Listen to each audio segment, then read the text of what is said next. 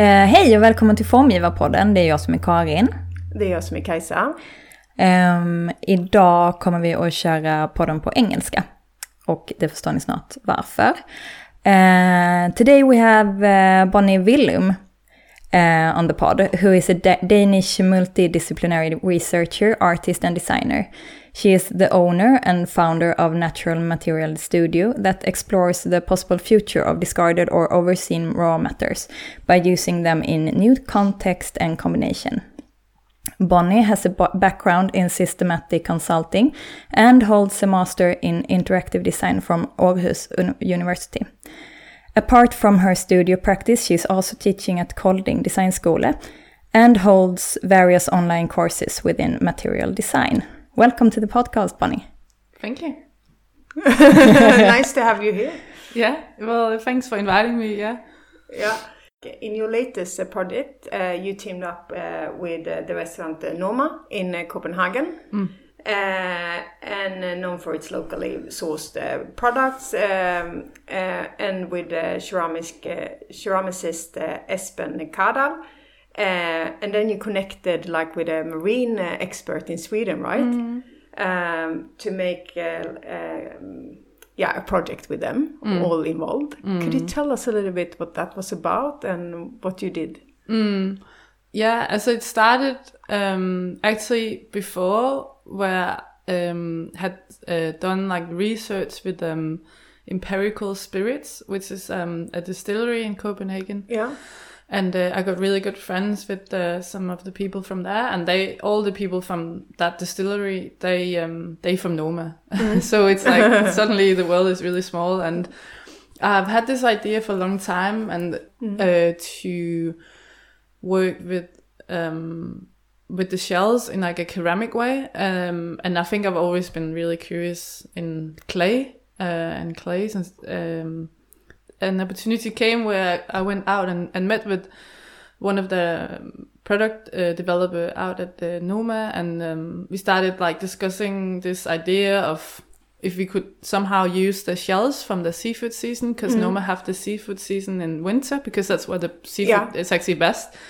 Um, and then they prepare like courses and menu after that. Yeah, it's mm. very. Then it's like they used to have this concept of like having like these like um seasons. So mm. from uh, it used to be like January till I think March, where they just only served almost like seafood. So it was mm. really like theme orientated, and then they moved into summer, and then they mm. had all the vegetables. So very like you know like based on the seasons. Mm. And I really like that idea. And um, we discussed like how can we make something maybe for the year after that could be used um, based on your shells. And so that's basically the research and like on the day, I think it was on the day or the day after where we had the like official lockdown in Denmark, oh. like the 11th March, uh, yeah, last year. Um, yeah.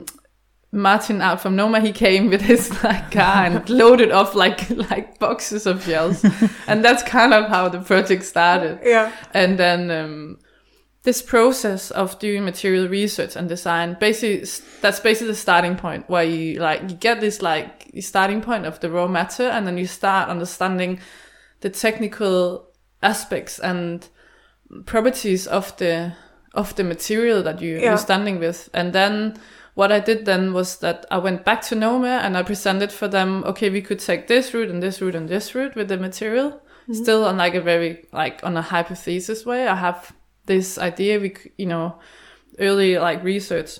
And then could i ask you like uh, the whole idea or the like the mission for example uh, the collaborative uh, mission was to develop like uh, plates or something from the rest material of the seashells for yeah. you, for you to find um, suitable material for that yeah, so no, it wasn't actually. It, it started very open. It was okay. more like the whole starting point of the project was like, what can we do with the shells? Oh, yeah, that's why it started. And then I think what I've learned then of my process is then after this initial uh, starting research, then I go back to the company and say, okay, we can do this and this and this with the material. What would make most sense for you? And that's oh. when we had the, the, the thought, well in that concept of a restaurant, it would make most sense to try and work with something. So I always try to think like conceptually, like in okay, how could we, how could this make most sense for the company? Yeah. Um, and how would would it make most value for them conceptually and and functionally? And and that's why we thought, okay, this could be interesting to do, explore further as a as a clay and a, as a ceramic.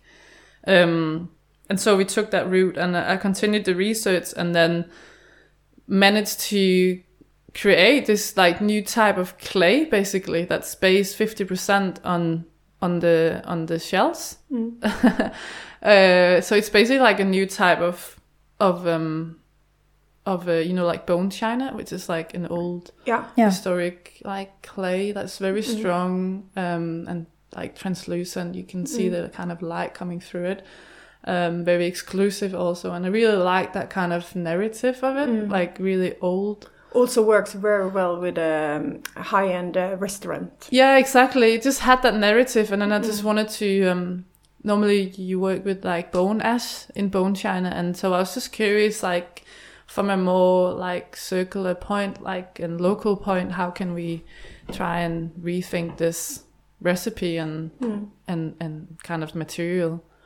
And that's then when I had the material developed and I had these like raw kind of materials, I decided to collaborate, started it, I involved Ism in, Yeah. he's my, a friend of mine who's a ceramist and, and very talented. And I, I knew that we could continue the, pro- the project towards more like products together. Yeah.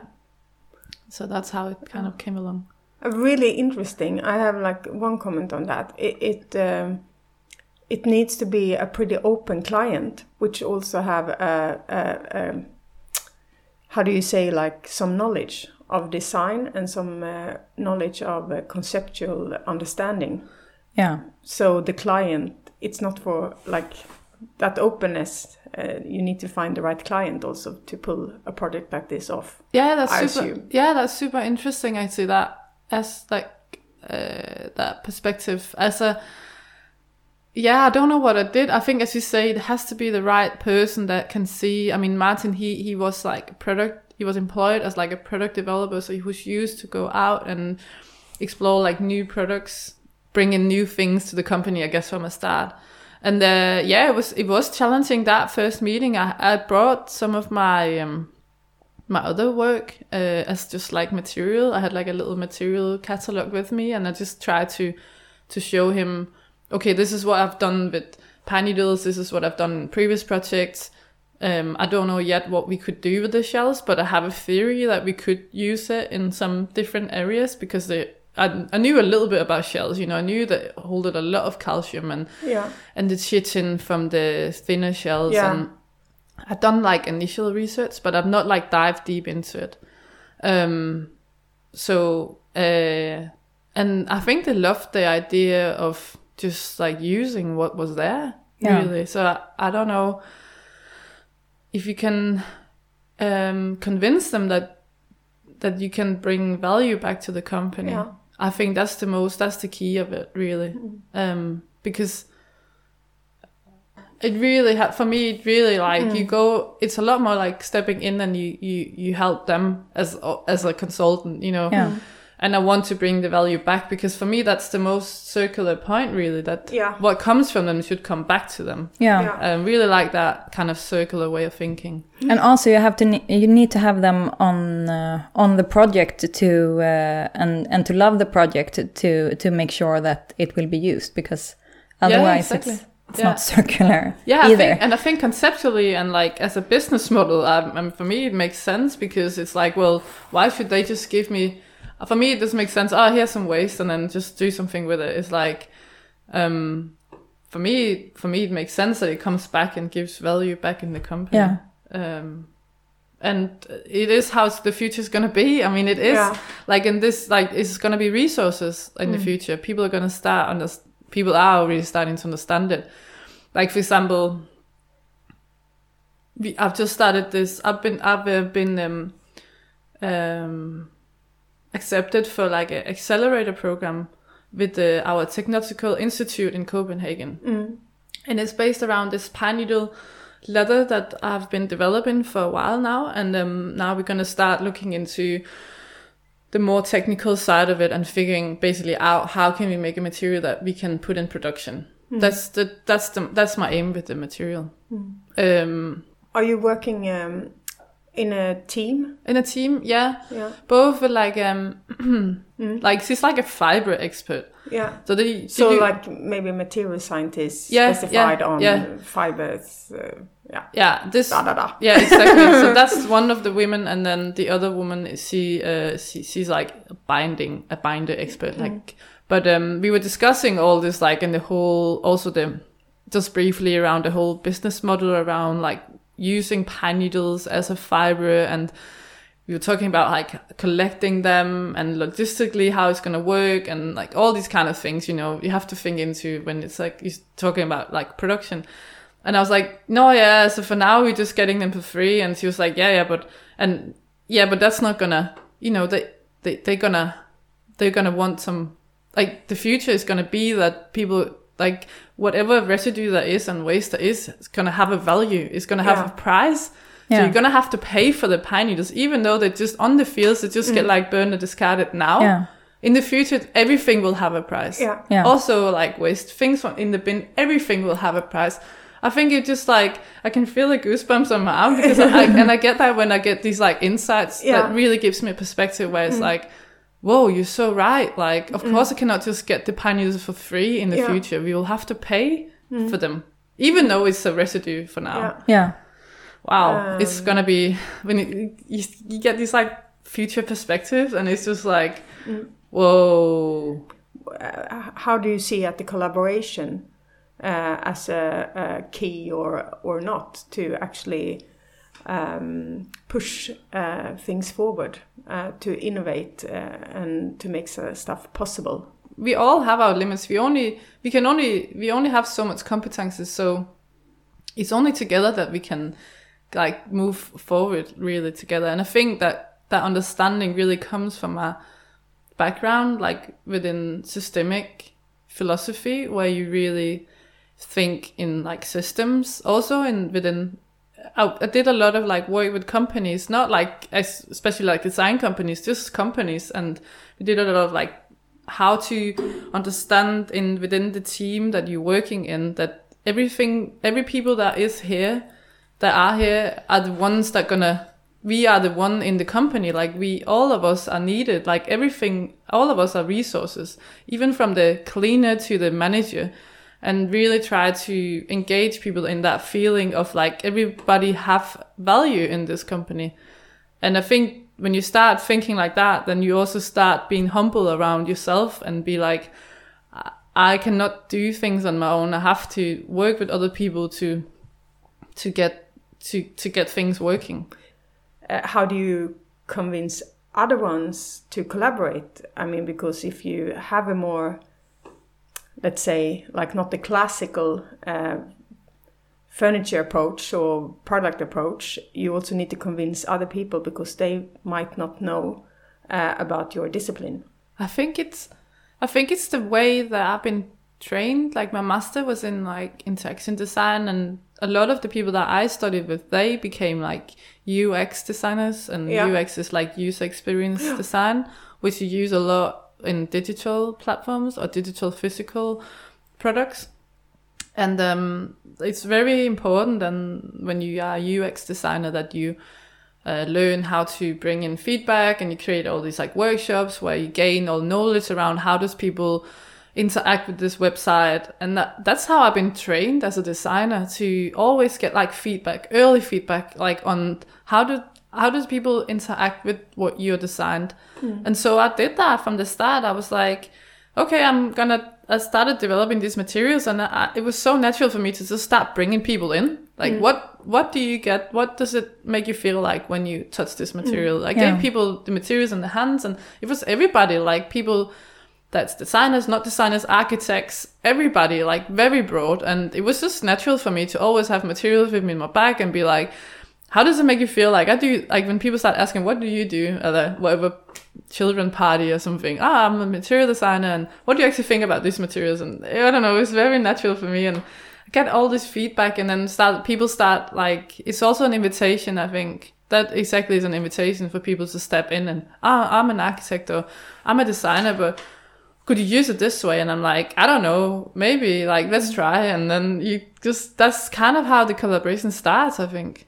I, I don't know. It's that kind of being open for that feedback as early yeah, as possible. open and transparent Yeah. with what you're doing and not so afraid yeah, uh, in the process then. yeah, And I think I think that's a really clever way to to just get people interested to to ask them about their feedback because then they feel like See. like you value them and then then uh, they they get to to know what you do at the same time. That's a really really great way I can to to s- to see uh, collaborations emerge Yeah, later yeah. on. In a way, it feels like I'm a center point f- because people come to me and they're like, "Oh, materials," and because materials goes into everything. Yeah. it goes into everything. So everybody that like, ah, do this project for someone. As a explain like this um this guy now who's he's in the program of the TV and he's like, oh, I- I'm looking for like a new foam material and maybe we can use yours. And then suddenly there's a collaboration. Mm-hmm. Yeah. So materials are very like, if you want it to be, it can be like a platform to really collaborate into mm-hmm. many different fields.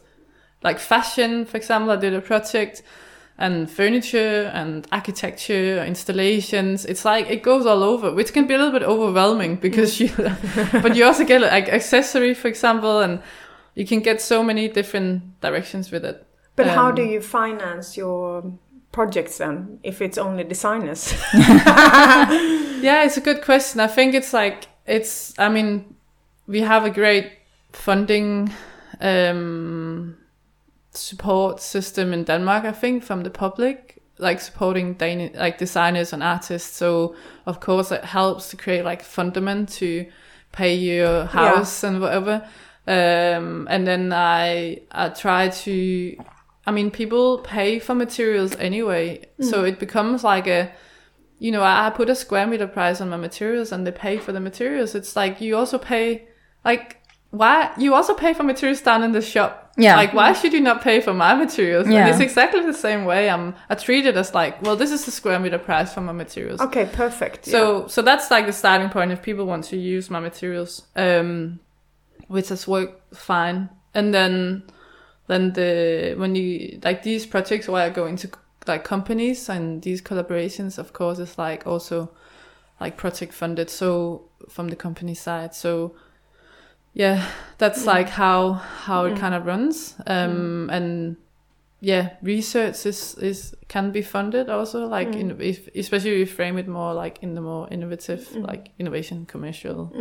Like direct. It depends on the project, you know. If it's more artistic, then it's like more the artistic way you fund it, and if it's like more the commercial way, you try to aim towards the more commercial funding Yeah. schemes. Um, do you produce all your material yours yourself?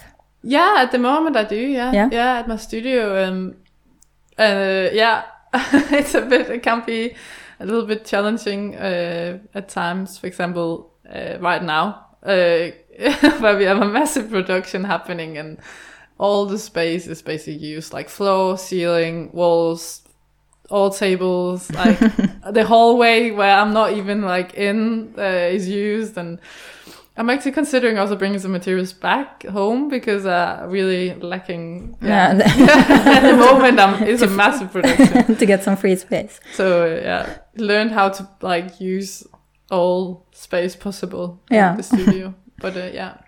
Uh, but when you develop a new material, how do you control the circular design principles around the material so it can for sure be reused, recycled, and uh, renewed?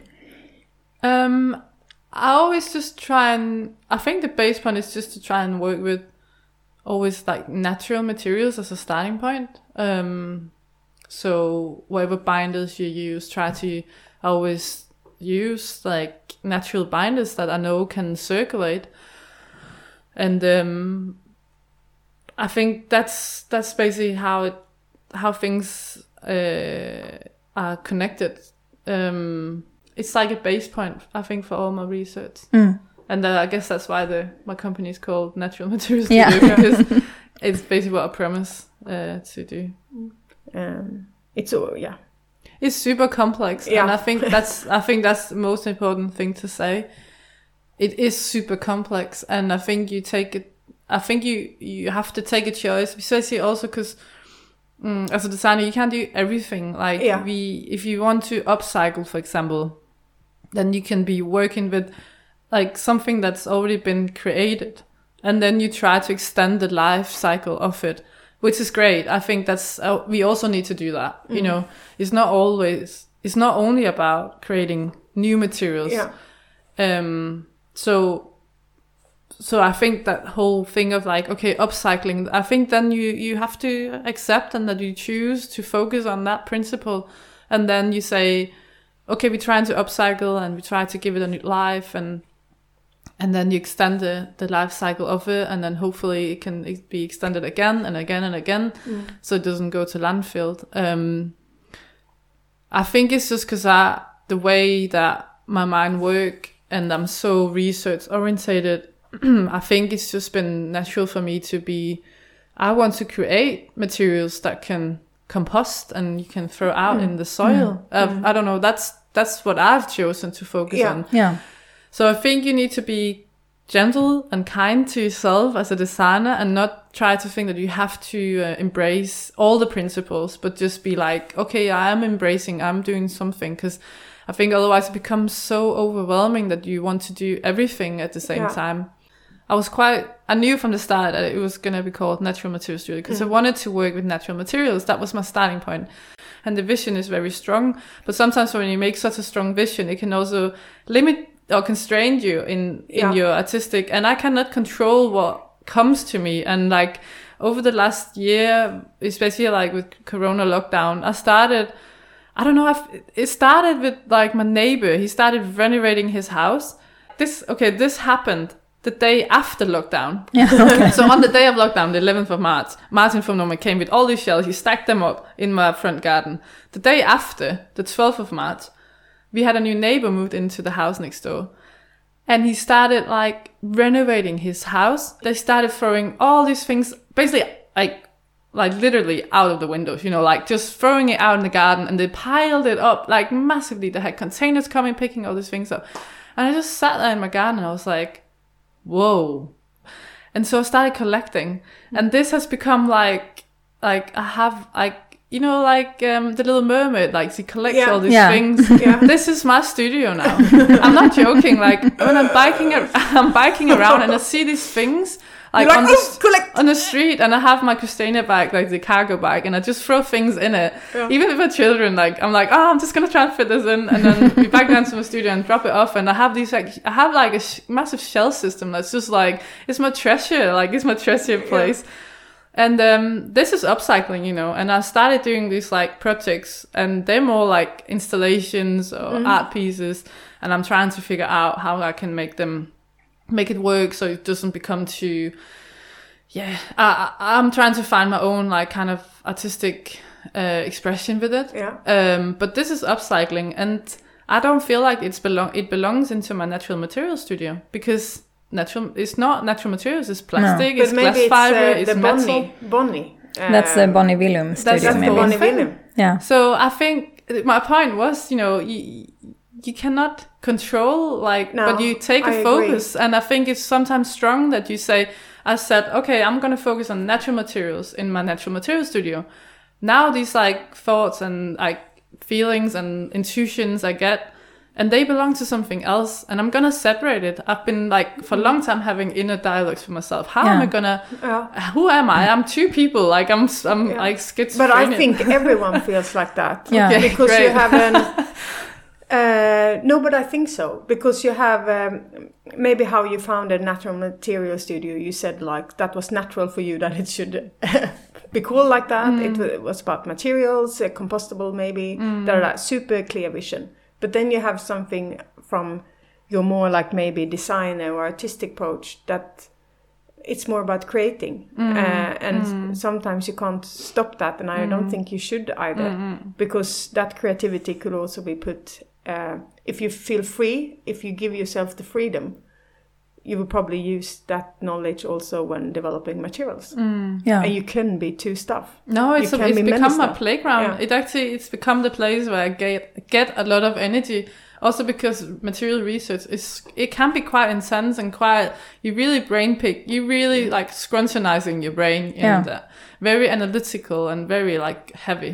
And so it's become a playground like all these things that I find and put them together in weird ways and like I'm playing Sounds around fun. with it. Yeah, it's really fun. But I also think it sounds like you're creating a library with materials Yeah. that could be really uh, important for the natural material studio, even though the library isn't biodegradable or from nat- natural materials. In that in that sense, it could really have a, um, a great value to to Yeah. the studio. Yeah.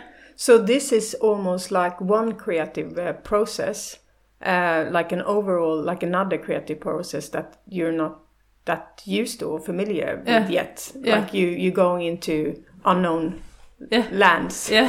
Um Uh, uh, but but how does your creative process look like, for example, in Natural Material Studio?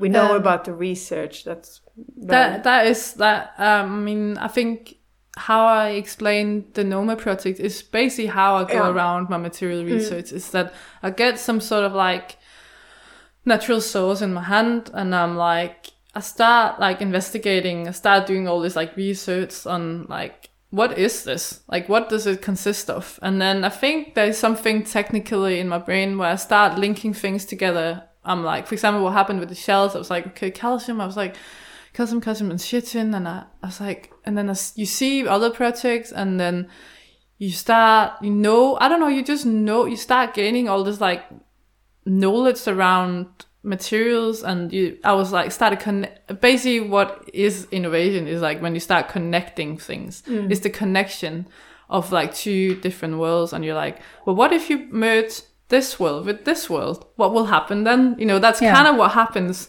And that's basically what i teach also when i do teaching. It's like how to approach the world like is and how to be cre- be more creative basically is like try to make these like new connections. So that's what i do basic like exercises and trainings around with my with my students is try to look at the world and and look at like a pipe and be like how what el what does it look like? Does it look like a horseshoe? Does it look like a lamp? Does it what does it look like? And try to bring things home. Basically what i'm also doing you know bring things home and be like what what does it look like?